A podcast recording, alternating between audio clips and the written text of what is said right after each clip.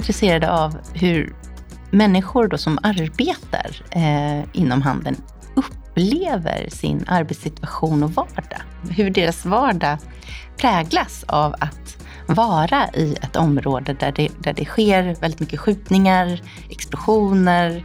Och handlare är trygghetsskapare oavsett om de vill det eller inte. Det, det görs väldigt mycket som faktiskt ökar tryggheten därför att, därför att det är relationsbyggande. Ja, men det har potential i alla fall att öka förtroendet mellan de människor som, som, som handlar i butik och, och de som jobbar där.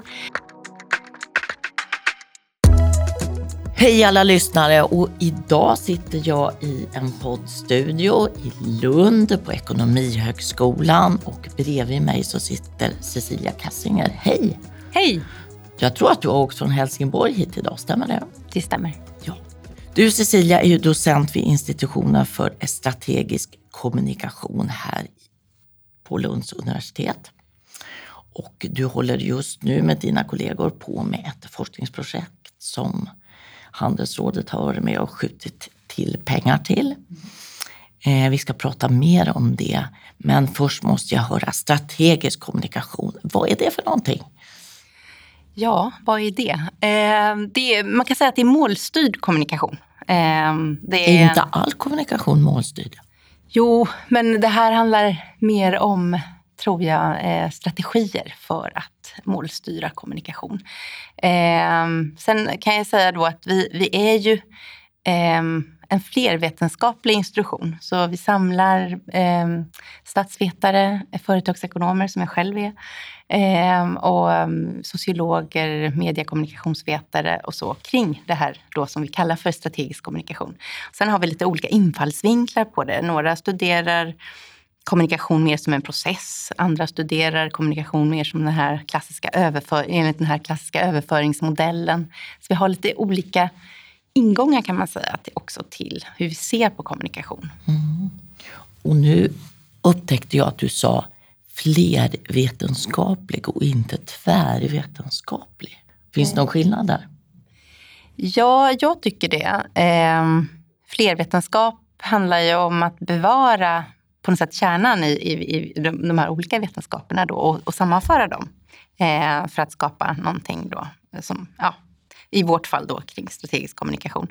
Men eh, tvärvetenskap, där försöker man integrera de här vetenskaperna tydligare med varandra och kanske också utplåna liksom särarten av dem på något sätt. Så det är därför vi brukar säga att vi är flervetenskapliga, därför att vi Ja, men vi publicerar våra texter liksom i statsvetenskapliga tidskrifter. De som är statsvetare mm. och de som är företagsekonomer ah. riktar sig mer mot företagsekonomin och så vidare. Så det, det är också väldigt speciellt för, för hur, vi, hur vi har valt att jobba kring det här då, begreppet strategisk kommunikation i Lund. Nu läser jag till här eh, projektbeskrivningen. Nya samarbetsformer för främjande av trygg handel i utsatta stadsmiljöer. Man hör ju lite grann på namnet vad det handlar om, vad ni är och borrar i. Hur kom ni på tanken att eh, ägna två år åt just det här? Eh, ja, men vi hade tidigare gjort en studie eh, om trygghet inom besöksnäringen. Eh, och vi ville då med det här projektet mer fokusera på trygghet i områden som har extra mycket problem med, med otrygghet kan man säga. Så det, det var liksom där vi, vi kom in. Vi hade ett projekt finansierat av BFUF, besöksnäringens forsknings och utvecklingsfond. Det är Handelsrådets motsvarighet på besöksnäringens område. Precis, ja, exakt. Mm. Eh, och då, och vi, vi, tyckte att det här var ja, men vi, vi kände att det, var, det, här med trygghet var någonting som engagerade människor. Eh, det var ett samhällsproblem. Eh, och vi ville också lyfta handelns eh, roll som, som samhällsbärare och som, som eh, ja, men viktig för att förstå eh, samhällsproblem. Alltså, alltså, att föra in handeln i, i ett, att föra in handeln i ett samhällsproblem helt enkelt. Eh, och vi tyckte det var spännande att se då, men eh, hur kan, hur, vilken roll spelar handlare eh, i de här eh, då, områdena som har problem med otrygghet? Och då har vi valt att fokusera på eh, de här 61 områdena då som polisen klassificerar som utsatta områden i Sverige. 61 områden. Jag ska bara skjuta in, när du säger trygghet och otrygghet här, då tänker du både på de som jobbar inom näringen och de som besöker näringen som kunder? Ja, eh, det är ju både och. Nu eh, fokuserar vi mest på de som jobbar ja, inom ja. Eh, handeln. Mm, mm. butikschefer, handlare ja. Ehm, och butikspersonal. Ehm, och vi tittar också på, eftersom vi är intresserade av samarbetsformer, så tittar vi också på andra aktörer som fastighetsägare, ehm, centrumutvecklare eller cityutvecklare trygghetssamordnare, kanske de brukar kallas, på kommunen också. Så det är många olika aktörer som är inblandade i att skapa trygghet, eh, både liksom i stadskärnan men också i de här då områdena som har eh, extra mycket problem då, när det gäller trygghet. Ideella organisationer är ja, med här ja, också. Nej, mm. ja, det har vi nog mindre fokuserat på, men, ja. men, det är jättespännande för ett fortsatt projekt faktiskt, att utöka liksom, Eh, de här aktörerna som ingår i de här samverkansprojekten. För samverkan är otroligt viktig. Och det nyckelordet tror jag att vi kommer att komma tillbaks till. 61 eh, områden. Det blir mycket för er att titta på. Mm. Tar ni och sätter, sök ut, sätt på alla 61? Nej, Nej, det gör vi såklart inte. Utan vi har vi har försökt att få en, en geografisk spridning eh, på de här områdena i Sverige. Så vi har tittat på då utsatta områden eh, som ligger i Stockholm, i Jönköping, Kristianstad, Malmö, Helsingborg. Var tog Norrland vägen? Ja, precis. Det, det som är intressant om man tittar på den kartan mm. är att eh, geografiskt så eh, finns det väldigt få områden eh, ovanför Gävle skulle jag säga. Det finns, eh, Kärna ängar är väl, är väl det område som ligger högst upp. Och det är Borlänge? Va? Ja, mm, precis. Mm, hur, hur, eh, hur långt har ni kommit? Hur har ni gått tillväga? Eh, ja, vi, vi, börj, vi, liksom har, vi började närma oss det här genom att först liksom ringa runt till kartlägga liksom alla då, Eh, så vi tittar ju på dagligvaruhandeln. Så vi tittar ju ja. på mataffärer mm. som finns i de här områdena kan man säga. Främst. Eh, sen så med tiden så har vi också expanderat då till att titta på liksom lokala entreprenörer som finns i området. Därför mm. att alla områden har inte eh, en ICA eller en Willys. Nej, eller så. Och då menar du liksom, vi skulle säga servicebutiker kanske? Ja, Precis. det är, det är frukt, lotter, godis, eh, lite mjölk och sånt. Ja, ja precis. Mm. Lite allt möjligt kan man säga i de här, i de här små närlivsarna. Ehm, allt från toalettpapper till det, tvättmedel. Eh, tvättmedel, ja precis, till liksom souvenirer. Så, att, så att det, det, det, det, är en väldigt brokig skara butiker som, som finns i de här områdena också. Vilket har också varit väldigt spännande. Då måste jag också fråga, eftersom det har hänt lite saker här nu, vi, vi spelar in i maj 2023. Nu bara för någon månad sedan så hände det grejer med apotek. Men apotek har ni inte tittat på? Vårt angreppssätt är ju det här lite bredare då perspektivet som vi kallar för platsutveckling. Och, och eh, tittar vi ju liksom inte bara på den enskilda dagligvaruhandeln, eh, utan vi, vi försöker vidga perspektivet. Så vi tittar även på liksom det centrum som den här butiken ligger i och den plats eh, där det här centrumet ligger. Så det är inte bara eh, butiken som sådan, även om den är viktig såklart. Och den har vi ju tittat liksom extra mycket på. Men vi har också tittat på centrum. Och vad man kan säga då, det är att apotek eh, finns ofta i de här områdena. Därför att de finns i anslutning till vårdcentralen. Eh, så att, så att det, det, liksom, det, är också en viktig så här, samverkanspartner, om man säger så. Man säger. Just det. Eh, och jag, jag kände jag blev otydlig där för, för lyssnarna. Alltså det, det är rån på apotek när man kommer in och vill ha receptbelagda läkemedel och i princip lägger fram en lista och säger till farmaceuten varsågod och plocka fram det. Eh, ja, har ni varit runt till de här, nu ska vi se, sex, sju ställena ni hade valt ut? Eller hur många mm. blev det? Så vi kan säga då att i, ehm, i Stockholm så har vi främst då tittat på ett, ett område som heter Söderhöjden. Eh, och eh, vi har även tittat på Rinkeby, Märsta och Vallsta. Eh, och i Malmö har vi fokuserat på Sevid Sofielundsområdet därför att vi också har en partner med i projektet eh, som är en, ehm, en ehm, kulturgeograf som, som har varit väldigt involverad i ehm, eller hans företag har varit väldigt involverade i, han har en sån konsultbyrå inom just plastutveckling och eh, är då med i det här projektet. Ehm, och de har varit väldigt involverade i BID, någonting som heter BID Sofielund, som är en del av BID Malmö. Eh, och i Malmö står ju BID då inte för Business Improvement utan District, utan det står för boende, dialog och integration. Ja, och det är en tillfällighet att det är samma förkortning eller hur? Nej, utan jag tror att det var planerat som ett, som ett sånt Business Improvement District-projekt från början. Men man fick väldigt mycket kritik för att eh, den här modellen då eh, fokuserar för mycket på näringslivet och, och eh, ansågs då inte riktigt kunna funka i Malmö.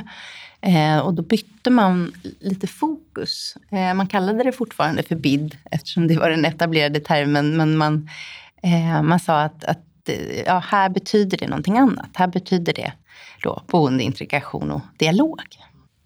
Kan du förklara lite kort vad BID står för? Det, det är ju ett begrepp som inte har uppfunnits i Sverige från Nej. början. Vad innebär det? Det, är ju, det, det, står ju då för Business mm. Improvement mm. District eh, och det används eh, i sådana här då problematiska eller utsatta områden eh, för att eh, ehm, skapa, ja men för, för, att skapa samverkan helt enkelt mellan olika aktörer eh, som, som på så sätt ska hjälpa till att lyfta området. Då. Och vilka aktörer kan det vara? Eh, ja, men olika typer av affärs idkare och fastighetsbolag mm, och så precis, vidare. Exakt. Så att, eh, och det är så man jobbar mycket också. Man jobbar väldigt mycket med speciellt allmännyttan eh, i de här utsatta områdena. Och det är därför vi också har tittat mycket på just allmännyttan och eh, kommunala fastighetsägare. Utav de här 61 områdena, då, vilka har ni tittat extra mycket på? Hur många områden är det? Ja, men det är ungefär, jag ska säga, en tio områden eh, i fem städer. Eh, och eh, Göteborg var egentligen inte med i Nej, okay. Eh, projektet från början. Nej. Men det, eh, vi hade lite bra ingångar där och mm. fick till eh, bra intervjuer. Så vi har även inkluderat några exempel därifrån. Ehm. Hur, när ni nu har då kontaktat handlare, centrumföreningar, eh, kommunen, trygghetssamordnare och eh, mejlat och skrivit Hej, vi bedriver. Hur har ni tagits emot?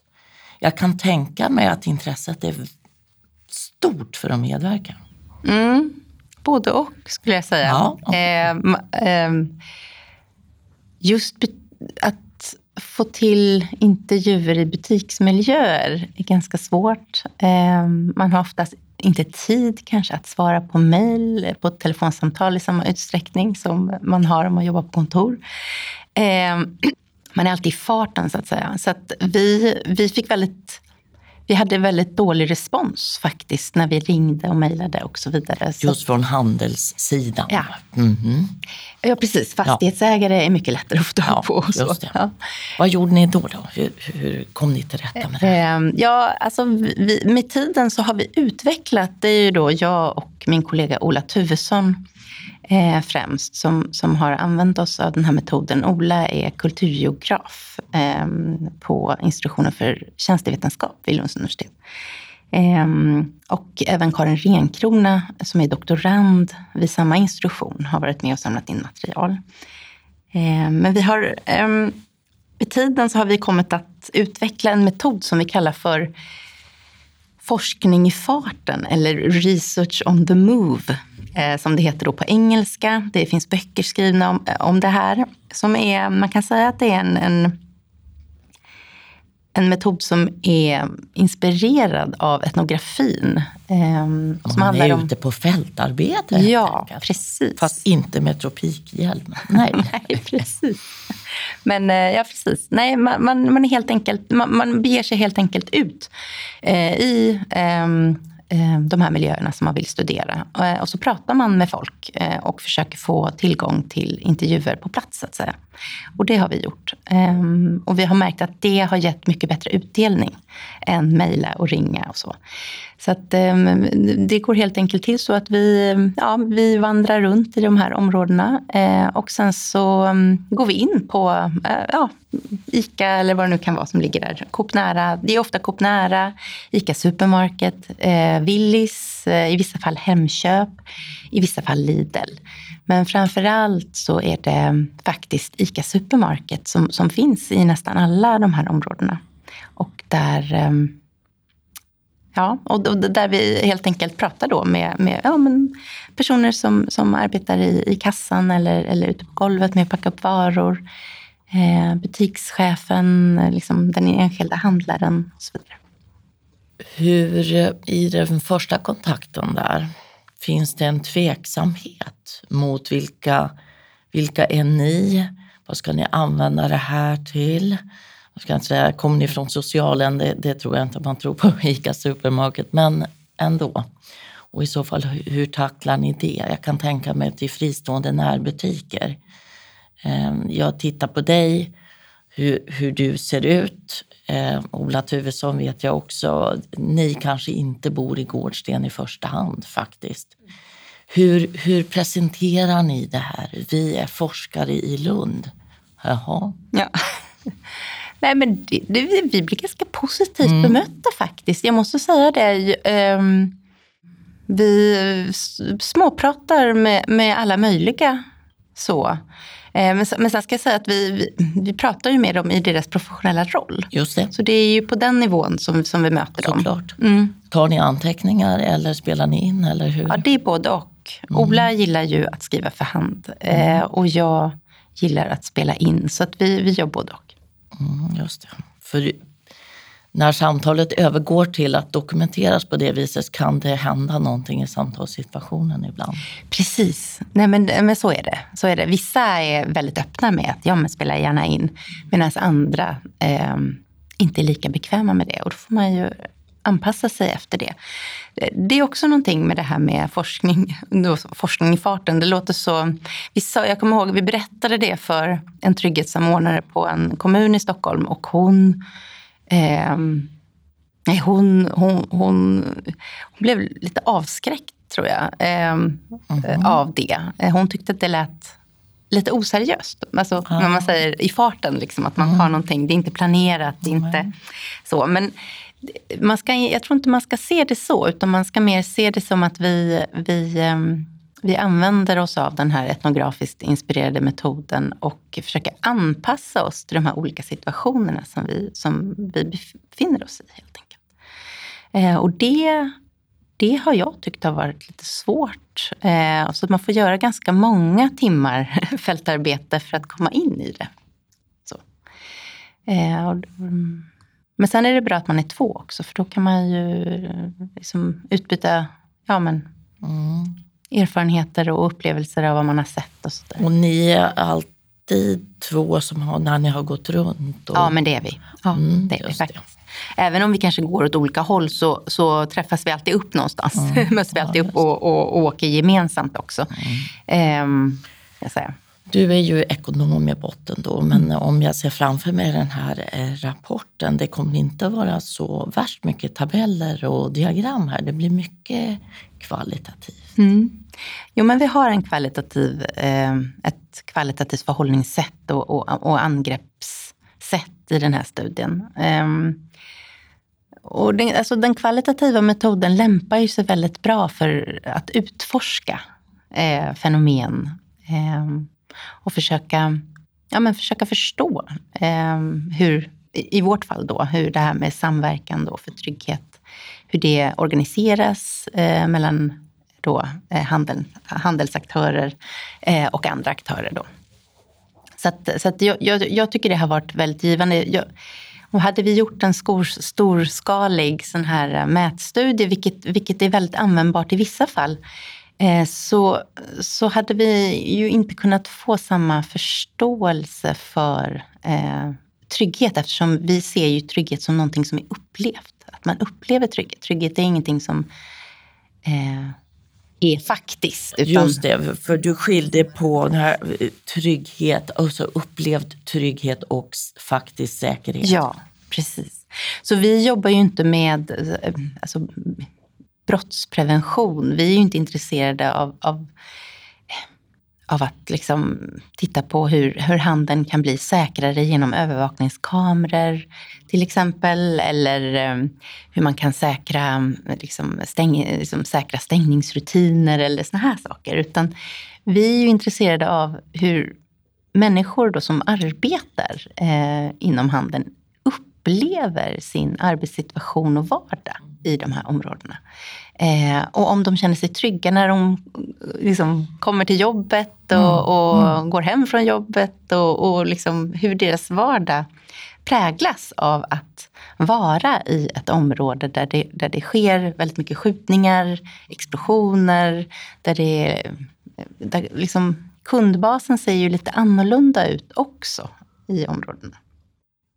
På ett lite personligt plan som forskare så sa du att, att vara ute och prata och se gav en förståelse för, för hela problemområdet som du kanske inte hade internaliserat utan mer det satt upp i huvudet tidigare. Kan du ge några exempel på vad som de berättelser som ni har fått ta del av? Alltså, så min första reaktion eh, eh, var ju att, att jag blev ganska chockad över hur arbetsvillkoren och arbetssituationen ser ut i de här områdena. Sen har, med tiden så har, har, det, har det övergått till att, att till en, liksom en, kanske på grund av en djupare förståelse också för varför man eh, också varför det är givande att arbeta i, i de här områdena. Och, eh, det beror ju liksom på olika, ja, men man ska säga, vittnesmål då om, om liksom, ja, men till exempel misshandel. Eh, det var en, ska inte ska hålla, hålla de här personerna anonyma ja, nu tänkte jag, men mm. en butikschef som berättade om hur han Ja, men hur han själv får liksom gripa in när folk liksom, eh, hotar personalen eller, eller när eh, människor kommer in och ja, men tar saker och, och går ut med dem helt enkelt. Eh, och det, eh, det, finns inga stationerade väktare liksom, i det här centrumet där hans butik ligger. Eh, och det tar alldeles för lång tid då att liksom, larma eller ringa så att, så att de här väktarna ska kunna ta sig dit. Så han griper ofta själv in då eh, när saker och ting händer. Och bara när vi pratade med honom så blev såna här skanningapparater stulna. så han hade ju liksom stora problem med det här.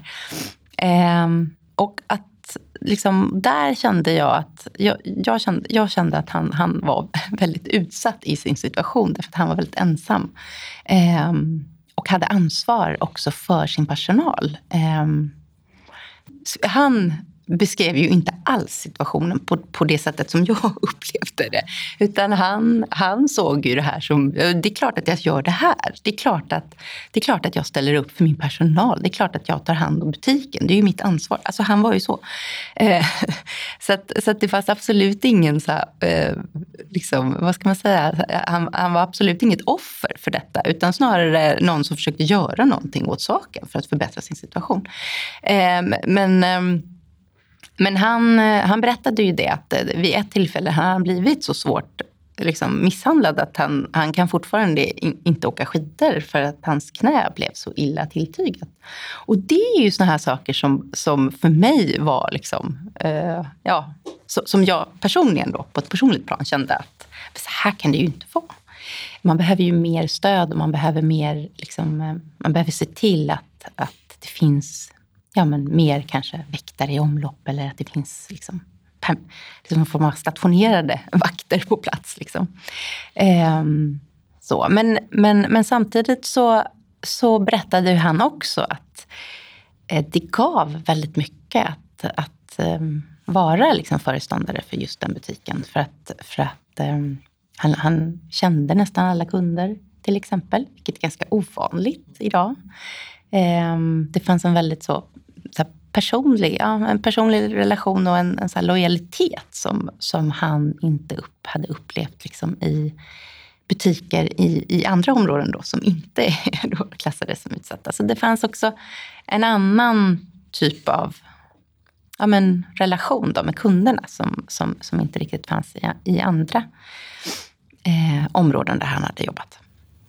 För när jag förstod på dig här, vi pratade lite grann om att någonting som var återkommande, det var då handlaren i byn eller butiksförståndaren motsvarande, att det blir en väldigt viktig person. Mm. De blir otroligt viktiga precis som personer. Han hade ju en stor bild på sig själv också precis vid ingången. Liksom att det är jag som har den här butiken, liksom välkommen in. Och det har ju många som ICA-handlare.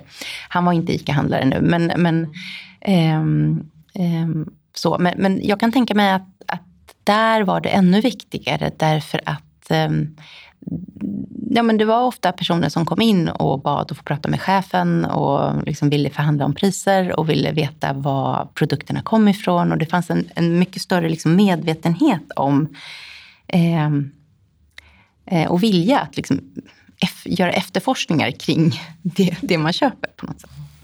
När du pratade med de som inte var chefer utan de som jobbade Eh, med annat i butiken, hur, vad fick du för eh, känslor från dem kring det här med arbetsmiljön och tryggheten? Ja, men det, det, är också lite delat. Det finns ju vissa som har sett väldigt mycket. Eh, vi pratade med någon eh, person som, som liksom jobbade inom, liksom, ja, men, var, var ute på golvet som jobbade med liksom, att packa upp frukt och så. Han hade ju sett, han hade ju alltså bevittnat två mord under, under sina sex år i den butiken. Och det är ju, det är ju någonting helt eh, liksom förfärligt. Eh, jag, jag, vet inte riktigt eh, hur jag hade hanterat det själv faktiskt. Eh, Men han valde ändå att jobba kvar? Ja, absolut. Eh, det, det, blir väl också en... Jag, jag, kan tänka mig att man, man lär sig hantera också. Man utvecklar strategier för att hantera detta. Men sen kanske jag säga att andra tänkte inte ens på det. Liksom. Så, att, så att det är väldigt skild, det, det, är en väldig spridning också på upplevelser. Att vissa de... tänkte inte på det här, det är väl ingenting. Liksom, vad, vad, pratar ni, liksom, vad menar ni? Liksom, jag är född och uppvuxen här och jag tycker att det är liksom, den bästa platsen. Liksom. Så det, jag tror inte, jag tror inte de, man kan säga att... Ja. ja, och de som inte inte tycker så, de fick inte ni fatt på för de jobbade inte kvar i butiken alls. Precis, så, så kan det nog vara. Ja. Att folk slutar. Och, så det, det hade ju också varit spännande faktiskt för ett, ett annat projekt att undersöka varför de, de, som, de som slutar eh, arbeta i butiker. Hade, hade handelsföretagen i samband med vi säger veckomöten och så här krishanteringskit som man, ja nu har du varit med om det här idag, ska vi, vi snacka, kom in eh, på kontoret så snackar vi om det eller? Ja, ja det trodde ju jag eh, då. Eh, men eh, den här personen som hade, hade varit med om, om de, de här eh, morden, han han, hade fått, han sa att han hade fått ett erbjudande om eh, psykologhjälp när det hände. Men hade inte tagit emot det, utan han hade hanterat det själv. Och jag vet inte, jag, ja, vi har inte eh, faktiskt eh, vi har frågat om rutiner för krishantering och så, så har, har, har vi blivit liksom, alltså har, har man berättat att men det finns. Men um, inget detaljerat har vi fått faktiskt eh, berättat för oss hur, hur, precis det går till. Utan att föregripa någonting här, åt vilket håll lutar det? Vad, samverkan har man ju pratat om länge och att det är de allmännyttiga bostadsbolagen som ofta kanske eh, tar taktpinnen vad det gäller fastighetsägarna. Inte alltid dock, måste jag ju säga förstås då. Eh, och vikten av att eh, involvera lokala aktörer och ideella föreningar och så där. Vad, vad, vad är det för nytt ni kommer fram till? Ja, vad är det för nytt vi kommer fram? Vi tycker ju att, att handlarens roll i, den här samverkans, i de här samverkansprocesserna eh, är ganska nytt. Vi tycker att det är nytt att sätta, liksom, att föra in handeln i en samhällskontext. Att se liksom, handeln som en, en viktig aktör för att åstadkomma förändring i de här områdena. För det, det tror vi faktiskt att, att, att de är. Eh, vi har sett väldigt många goda exempel på, på just hur eh, lokala närbutiker eh, anställer personal från området. Ehm, hur man erbjuder praktikplatser, hur man stödjer liksom, det lokala fotbollslaget, hur man tar med sina egna barn som ska spela fotboll och så vidare. Det finns väldigt många så goda så insatser som görs eh, eh liksom, mm, ja, men lite mer på ideell basis eh, beroende på vem handlaren är. Ska säga. Så vi har mött så himla många eldsjälar både inom handeln och inom fastighetsbranschen faktiskt. Jag pratade med en VD för ett stort privat fastighetsbolag som eh, eh, har gjort väldigt mycket ute i Märsta och Vallsta.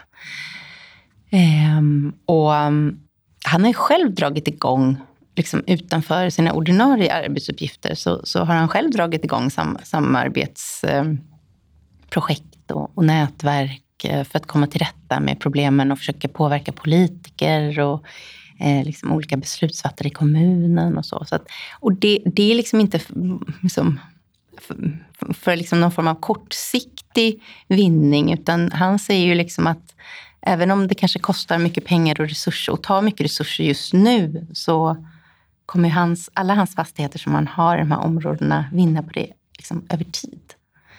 Så, mm, det, så att även om, om kanske han har ja men, eh, hyresfastigheter eh, där det, där det bor privatpersoner så att säga, så, så vinner ju han också på att eh, samarbeta med eh, näringslivet för att se till att det blir ett levande område dit folk kommer, där man vill vara, där det finns folk i omlopp och så vidare. För det anses ju också öka tryggheten.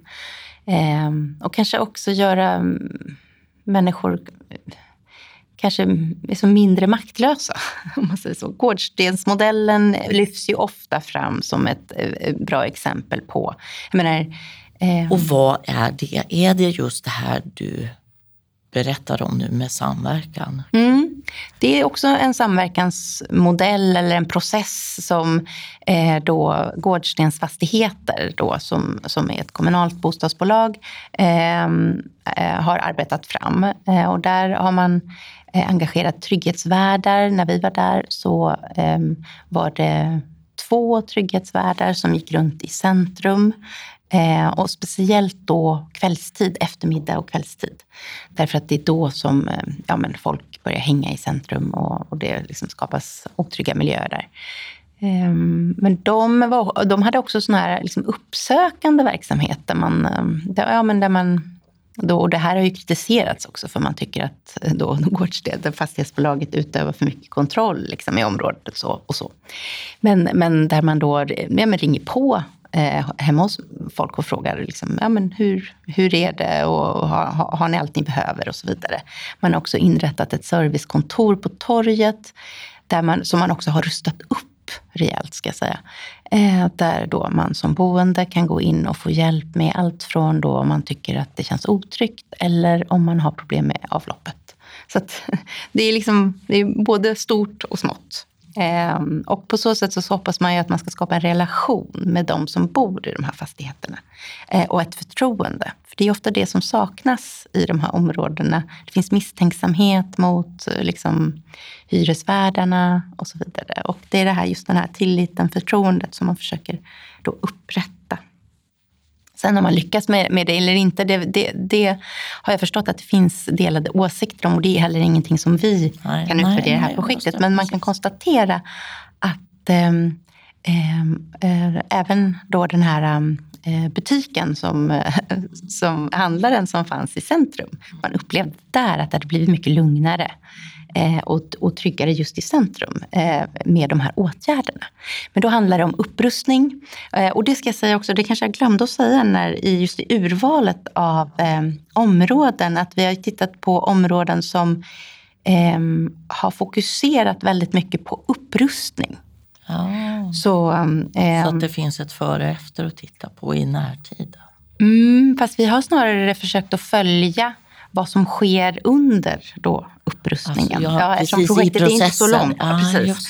Mm. Så att, ehm, mm. Men, men eller man ti- tittar på olika åtgärder, hur man till exempel har ehm, Ja, men man har ju byggt om många av de här ehm, fastigheterna också. Man har byggt mycket nytt, men man har också byggt om och rustat upp. Man har målat om, man har ehm, tagit bort liksom, så här, trånga, mörka utrymmen, försökt att göra det ljusare. Ehm, man har ehm, ehm, Ja, men centrum till exempel har man eh, satt in, ja, men vissa centrum har fått såna här glasdörrar eh, som, som delvis, vad jag förstår, bekostas då av, av eh, då dagligvaruhandeln. Eh, men just för att också göra det, och sen så, så självfallet så har man ju då tagit bort bänkar och så vidare i de här centrumen så att man inte ska kunna hänga där lika, lika enkelt. För det, det är det man vill få bort då. Eh, Samtidigt vill man ju ha det här eyes on the street. Det ska vara... Mm. Folk ska uppehålla sig ändå och finnas där. Men ja, nej, det är, det är inte lätt det här. Nej, det, det, det, finns ju, det är en svår balansgång faktiskt mellan då vad, som, vad som skapar trygghet respektive vad som skapar också otrygghet. Eh, vissa av de här åtgärderna kan ju också skapa rädsla, liksom rädslor för... Ja, eh, jag tänker nu när vi pratar om det så tänker jag på ett exempel som, eh, som det kan jag nog säga, som kommer från eh, Gamlegården i Kristianstad. Eh, där det har varit väldigt mycket oroligheter just kring centrum. Därför att centrum har blivit ett, liksom ett tillhåll där man träffas. Och, eller där ungdomar träffas. Ehm, och där också så här, viss kriminell verksamhet sker. Ehm, och då... ehm, vi, och vid ett tillfälle när vi besökte eh, det här centrumet så, så fick vi berättat för oss att, att då butikspersonal behövde eh, vakter för att liksom följa dem in i centrumet och ut från centrumet. Därför att eh, i vissa fall så var personalingången blockerad då av folk som liksom...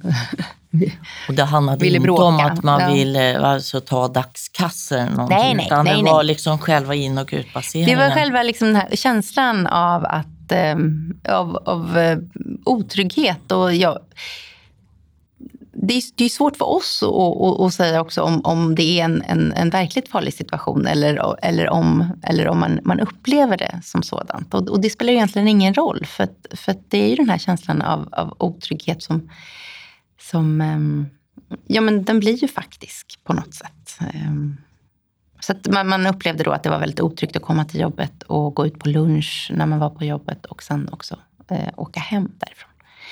Eh, och det, och det, det är ju samma sak där. Att där känner man ju också att man skulle behöva liksom mer insatser från kommunen. Eller man skulle behöva mer kanske, ja jag vet inte. Man skulle behöva, verkligen behöva göra någonting. Kanske, jag vet inte om man skulle erbjuda något. Ja, ja precis. Vi är ju inte så, det, det, Nej, det nej, gäller ju men- att hålla vårt fokus också. För vi, Men det, jag ja. förstår att det är väldigt, eh, man blir sugen på att försöka komma på någon slags lösning här. Ja, precis. Men det, det, det är ju inte i vårt Nej. uppdrag, så att säga, just det här. Jag vill gärna höra lite mer om annan forskning som du har bedrivit, men bara innan vi, vi avrundar just det här. Du sa att vikten av att se liksom handeln som en viktig samhällsaktör och ta med handeln i beräkningen, inte minst kring när man tänker trygghet och platsutveckling och sådär. Och då ser jag framför mig en handlare som många gånger har väldigt mycket att göra, kanske sviktande lönsamhet. Eh, och ses ju som en otroligt viktig aktör för att ge unga jobb, ge jobb överhuvudtaget, ge nyanlända jobb, eh, ge kanske jobb till de som inte har så stark ställning på arbetsmarknaden. Eh, hela hållbarhetspaketet som man ska ta ansvar för. Och sen, nu ska man också bli trygghetsaktör. Hur mycket kan man orka med? Jag bara kastar ur mig det här nu. Ja, men jag tror att precis det du sa nu, att ge jobb eh, till unga, erbjuda praktikplatser, stödja liksom närområdet där man verkar i. Jag tror att det är trygghetsskapande åtgärder. Det, så handlare är trygghetsskapare oavsett om de vill det eller inte. För vi, vår eh, eller vår slutsats kommer vara det i alla fall. Det är det vi har sett i det här projektet. Att, att det, det görs väldigt mycket som kanske inte mm, liksom, presenteras som att det här är liksom för att öka tryggheten eller så, men, men som faktiskt ökar tryggheten därför att, därför att det är relationsbyggande, eh, det, eh, ja, men det har potential i alla fall att öka förtroendet mellan liksom, människor som, som, som handlar i butiken och, och, och de som jobbar där. Eh, sen ska jag säga också att, att, de, all, nästan alla de här butikerna kämpar med lönsamhet. Därför att eh, liksom kundunderlaget i de här områdena är ganska svagt. Jag tror det var en siffra som högst. Den butiken som det gick bäst för hade, där var det 30 procent från området som handlade. Men de flesta har liksom kanske bara kunder, liksom 10 procent av kunderna kommer från området. Därför att man tycker det är för dyrt att handla på de här stora eh, eh, ja, men de här stora dagligvarukedjorna helt enkelt, som Willys, Ica, Coop. Det är för dyrt. Och då, då handlar man hellre på ja, men av de här lokala då, eh, matbutikerna eller de lokala närlivsarna. Eh, eller eh, de här som står på torget och, och, och, och säljer frukt och så, och så vidare. Som någon form av marknads eh, någon form av marknad då, som, som man också har där. Så det, det, det är rätt tufft också faktiskt, och, alltså just när det gäller lönsamhet, eh, att bedriva handel i områdena. Så det, det, det är väldigt många olika faktorer. Eh, när man går in i en sån butik, ja men till exempel om vi tar så här, ICA Supermarket i Hjällbo, som, som är ett, ett, ett väldigt känt exempel på en fin ICA-butik som, som har ett stort liksom stöd i området, eh, som har en väldigt engagerad handlare. Eh, och, som, och, och, och, där hon också gör stora ansträngningar för att eh, få ner priserna. Så att där, liksom, det är bara så här, extrapris, lågpris, väldigt mycket fokus på just priset. Och märken som man normalt sett inte skulle hitta i en vanlig, liksom, i den ICA-butiken jag handlar till exempel. Eh, det finns andra liksom, helt andra varor, ett helt annat utbud av kött till exempel. Eh, eh, och så, som, som, som man inte hittar helt enkelt i, i så här, ja, men vanliga medelklassförorter. Det är många pusselbitar som ska till och jag passar ju på nu att säga till lyssnarna att det finns ju ett stort utbud utav kostnadsfria webbaserade kurser på Handelsrådets hemsida som har med arbetsmiljö och säkerhet att göra. Kika på hemsidan och gå in just under arbetsmiljö och säkerhet och de här gör vi bland annat tillsammans med Prevent. Då. Eh, jag vill gärna höra lite grann när du var på Ikea i Shanghai. Vad, vad gjorde du där? För då var det ju också en intervjumetod. Mm. Oj, ja men det var ju det var väldigt länge sedan. Det var nog 15 år sedan. Mm. Tiden går Va, vad skulle du titta på där? eh, nej men det var för min avhandling. Eh, jag skrev avhandling om, det är ju vanligt att mäta eh, ett företags, liksom, en bilden av ett företag så, genom olika eh, storskaliga mätstudier och sådär. Eh, men då, även då i, i det fallet så var jag mer intresserad av att se hur man skapar mening kring företag tag helt enkelt. Vad IKEA betyder för konsumenterna i Shanghai. Eh, så då, jag använde egentligen samma metod om jag, om jag tänker på det. Jag häng, hängde runt i butiken, hängde runt hemma hos eh, eh, IKEA-kunder eh, och tittade på hur de använder då, ja, men billig bokhylla och vad det nu kan vara som de hade inhandlat på IKEA. Eh, och integrerade det liksom med, med, med ja, sina andra saker som de hade hemma. Så det, ja, det, det, det, var nog en metod som var inte helt väsensskild från, från den metod vi har använt oss av i det här projektet. Hade du tolk med dig i Shanghai? Eller kör du Eh, engelska? Nej, jag har sedan tidigare en, en eh, masterexamen i kinesiska, mandarin. Så att jag gjorde faktiskt intervjuerna själv. Ehm, och sen så fick jag hjälp med översättning ehm, ehm, när vi liksom skrev ut intervjuerna sen. Hur var det nu i det projektet, handelsrådsprojektet? Har du haft tolk med dig? Ja, där har vi jobbat mycket mer aktivt med tolk. Därför att, därför att, ehm, och speciellt när vi har tittat på områden där det finns ehm, där liksom merparten av butikerna drivs av lokala entreprenörer. Och, och därför att de pratar ibland inte svenska. Så att vi, vi har haft med oss då en, en, en, en, en tolk som, som ehm, ja, pratar persiska, arabiska. Så. Mm. När man gör ett sånt som här informant som det heter i eh, Ja. etnografin, liksom har, var det någon du kände till från början som kan ämnes, ämnesområdet eller har man en uppsjungning med den här personen kring olika begrepp? Och, Nej, det var faktiskt så. Vi hade tur. Det var faktiskt så att City, eh, City i samverkan, eh, de organisationerna jobbar med tolkar. Också för att, eh, som någon form av så här, mm, eh, sätt att, att eh, liksom skapa relationer med eh, eh då, de här lokala handlarna, entreprenörerna som kanske inte ingår i de nätverk som redan finns. För att jag menar, de här etablerade nätverken, där ingår ju de stora dagligvarukedjorna. Men ofta de här lokala entreprenörerna, de kanske inte är så intresserade egentligen. Eller de är, ofta behöver man betala en slant för att vara med i sådana här nätverk. De eh, prioriterar ofta inte det. Och då är det, är- det här ett sätt att komma lite närmare dem och eh, skapa någon form av relation.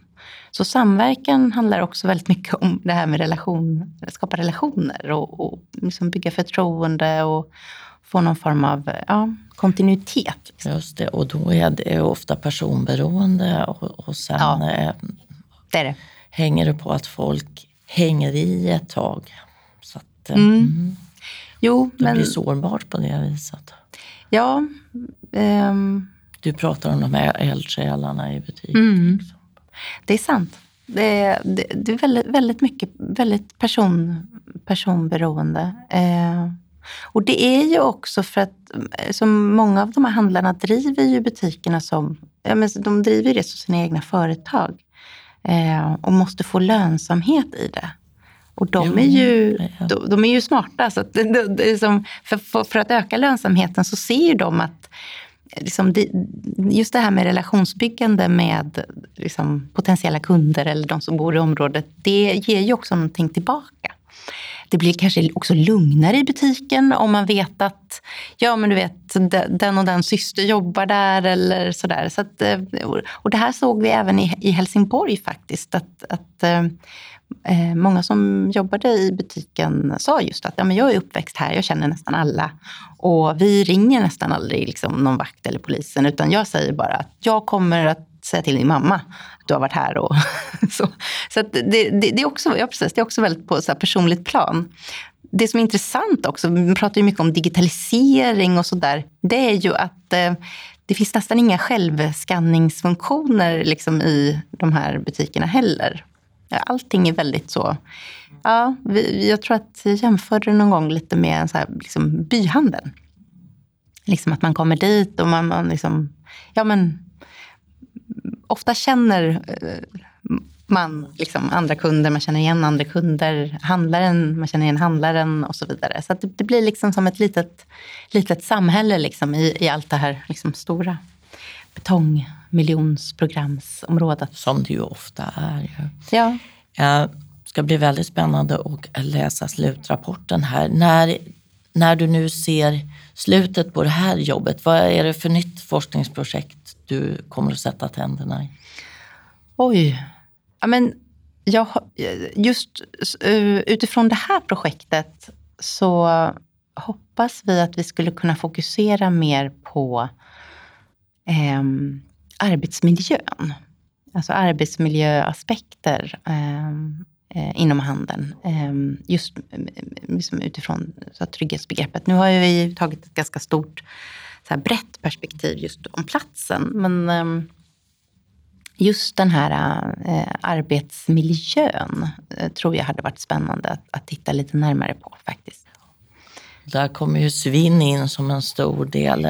Just Precis. som alltså demoraliserande när man ser att det försvinner saker från hyllorna som inte passerar kassan på rätt sätt. Mm. Varje dag, vad gör det med, vad gör det med arbetsglädjen? Mm. Även om man inte själv är liksom direkt hotad utav det. Mm. Ja, mycket intressant. Det finns att göra på handelns område och forska kring. Och, eh, ja, men jag tror det. Och det, alltså, jag tyckte att det var jättespännande just därför att eh, mycket av forskningen idag handlar inom just handelsområdet eller så retailområdet, eh, handlar just om digitalisering. Och det handlar om logistik, det handlar om liksom transport, näthandel, externhandel. Vi, som, vi ser att eh, butiker lämnar stadskärnorna och så vidare. Och så vidare. Och sen i de här områdena ser vi någonting helt annat. Vi ser värdet av personliga relationer. Eh, alltså man ser... Eh, no, ja, men, jag vet inte. De vi, pra, de vi har pratat med har, har liksom sagt att ja, men digitalisering digitalisering liksom som vi tänker, det funkar inte riktigt här. Man, man, här vill man komma till butiken och känna på produkter innan man köper. Så det är inte alls, det hade också varit en spännande sak att titta på. Ehm, just kanske någon form av återkomst för liksom, eh, alltså butiken och, och de relationer som, som butiken möjliggör. Fysiska butiken som relationsskapare. Mm, precis. Tack så mycket för att du tog dig tid att komma hit till Lund för den här stunden i studion och flera avsnitt utav forskarmötet finns ju där poddar finns och på Handelsrådets Youtube-kanal. Hej då! Hej då!